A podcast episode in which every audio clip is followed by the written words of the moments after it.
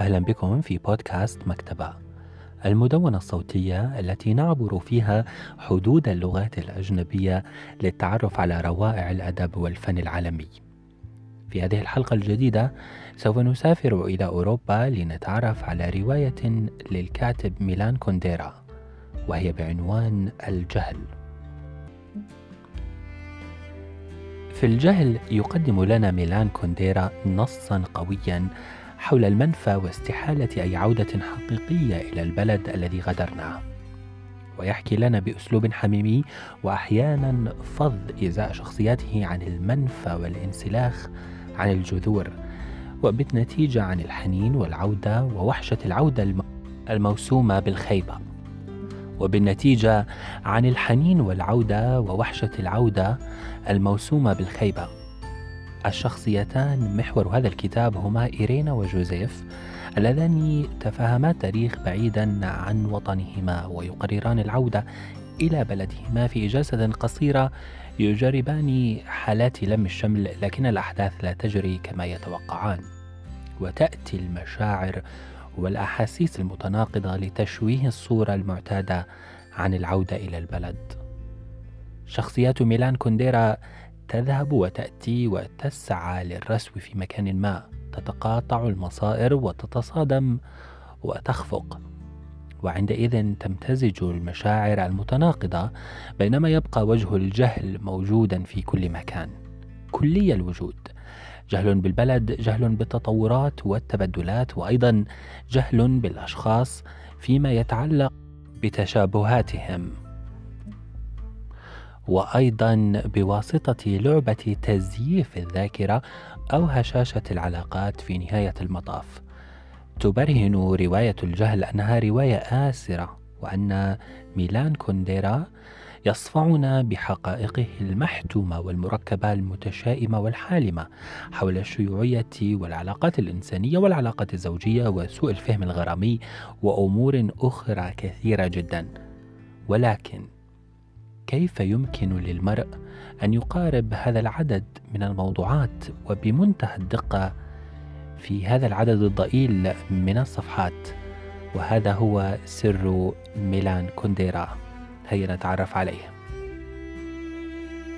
ميلان كونديرا وهو كاتب وفيلسوف فرنسي من أصول تشيكية ولد في عام 1929 لأب وأم من جمهورية التشيك. وتعلم ميلان العزف على البيانو من والده ولاحقا درس علم الموسيقى والسينما والأدب. وعمل أستاذا ومحاضرا في كلية السينما في أكاديمية براغ للفنون التمثيلية.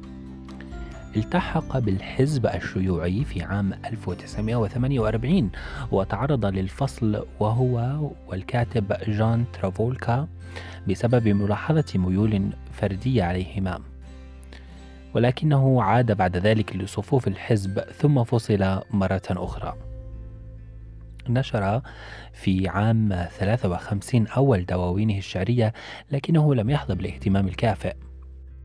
وفي رواية الجهل يفتتح كونديرا روايته بحوار بين إيرينا الأرملة المهاجرة التي مات زوجها في الغربة وصديقتها التي تسألها هل ستعود إلى بلدها. هكذا يضعنا مباشرة في قلب الإشكال أو الأزمة ليثير في نفوسنا أسئلة من الوهلة الأولى. لقد سقط النظام الشيوعي وعليها الآن ترك باريس التي عاشت فيها لعشرين عاما وأن ترجع مرة أخرى إلى براغ. ولكني عشت في باريس عشرين عاما. الأمر ليس بهذه البساطة. لدي هنا حياة كاملة بنيتها في هذه العشرين. هكذا تقول إيرينا وهي تصف حالها. وقبل أن تقرر زيارة مدينة براغ كانت تجلس أمام النافذة في شقتها في الطابق الأخير تنظر من مكانها العالي إلى مدينة باريس. ويحكي كونديرا وأدركت كم هي سعيدة في هذه المدينة كانت قد اعتبرت دوما كبديهة أن هجرتها هي التعاسة. لكنها هي أمام هذا المشهد الباريسي أمام النافذة تتساءل ماذا إذا كانت التعاسة وهما أوحت به الطريقة التي يفهم بها جميع الناس المهاجر. كان الجميع حولها ولمدة عشرين عاما يراها منفية من بلدها التي ناضلت من أجله. فلا بد إذن أنها تكابد الحنين من أجل العودة إليه من جديد. رجعت إيرينا إلى براغ التي لم تتعافى بعد من الحكم الستاليني الشيوعي حيث ذهبت لتشتري لها فستانا يناسب طقس براغ وكان بالألوان والتفصيلات ذاتها التي خرجت من المصانع الشيوعية ابتعته مضطرة لأنه يذكرها بماضيها البعيد الذي هربت منه. وارتدته في الحال وفي الشارع أمام واجهة متجر كبير وجدت نفسها مرتدية فستانها الشيوعي المحلي في مرآة فسيحة. فتسمرت مذهولة. تلك التي رأتها لم تكن هي إنما امرأة أخرى أو عندما تمعنت طويلا في فستانها الجديد رأت حياة امرأة كانت ستعيشها لو بقيت في بلدها. لم تكن تلك المرأة منفرة إنما مؤثرة. مؤثرة إلى حد البكاء ومثيرة للشفقة مسكينة ضعيفة مغلوبة على أمرها. استولى عليها الذعر كما لو أنها كانت تعيش كابوسها الخاص الذي ظلت تهرب منه طوال عشرين عاما. حين حان موعد لقاء رفيقاتها القديمات فوجئت إيرينا من حجم المسافة الزمنية والنفسية التي تفصلها عنهن. لم يسألها أحد عن عشرين عاما عاشتها في باريس. خلال اللقاء كانت كل تفصيلة صغيرة تلقي الضوء على كل ما كان يفصلها عنهن. غيابها طويل عن البلد عاداتها كأجنبية تحررها كفرنسية قادمة من باريس أخذت تلوم نفسها لأنها منحت أهمية فائقة لهذا اللقاء. أرادت في نهاية المطاف أن تعرف إن كان بوسعها أن تشعر أنها في منزلها أو تعيش في براغ مجددا وأن يكون لديها أصدقاء من جديد لكنها أدركت مندهشة أن حياتها جوهر حياتها ذاته مركزها وكنزها موجود خارج براغ. ربما في باريس أو ربما في سنوات اغترابها العشرين بين باريس وعن براغ. وهذا الجوهر لن يسعها التحايل عليه أو إنكاره. لقد غادرت براغ منذ عشرين عاما وعاشت في باريس عشرين عاما. على أي منهما تشعر بالحنين إذن؟ في مشهد رمزي ساحر يصل بنا كنديرة إلى ذروة الهشاشة المختبئة خلف كلمات الوطن والحنين والغربة. تسير إيرينا في إحدى قرى فرنسا قبل أعوام قليلة من انطفاء الشيوعية في تشيك وأوروبا مفتونة ببهاء الريف الفرنسي وجدت مشهدا مؤثرا على الضفة الأخرى من النهر الذي يشق القرية الريفية الفرنسية.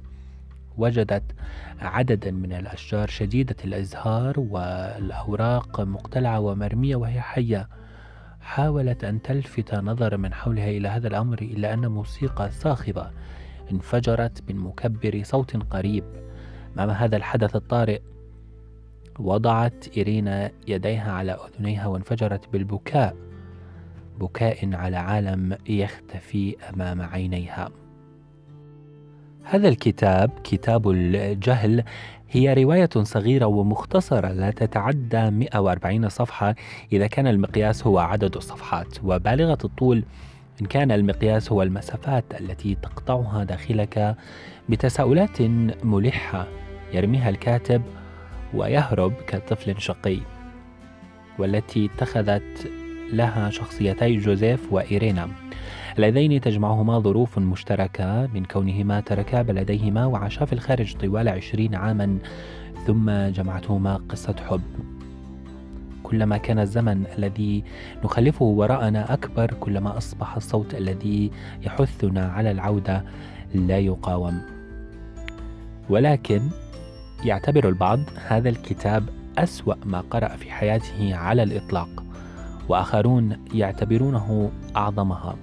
لا شك أن كتابا تتفاوت فيه تقييمات القراء. إلى هذا الحد هو كتاب استثنائي لا تكفيه قراءة واحدة. إلى هنا وصلنا إلى نهاية مشوار اليوم الذي سافرنا فيه إلى عدة مدن مختلفة من بينها باريس وبراغ. السفر عبر الكتب والسفر عبر الزمن أنصحكم بقراءة هذا الكتاب والتعرف على رائعة ميلان كونديرا بعنوان الجهل شكرا لكم على الاستماع والمتابعة دوما وألقاكم في رواية أخرى ورائعة من روائع الأدب العالمي. تحية مني أنا محمد صادق وإلى اللقاء.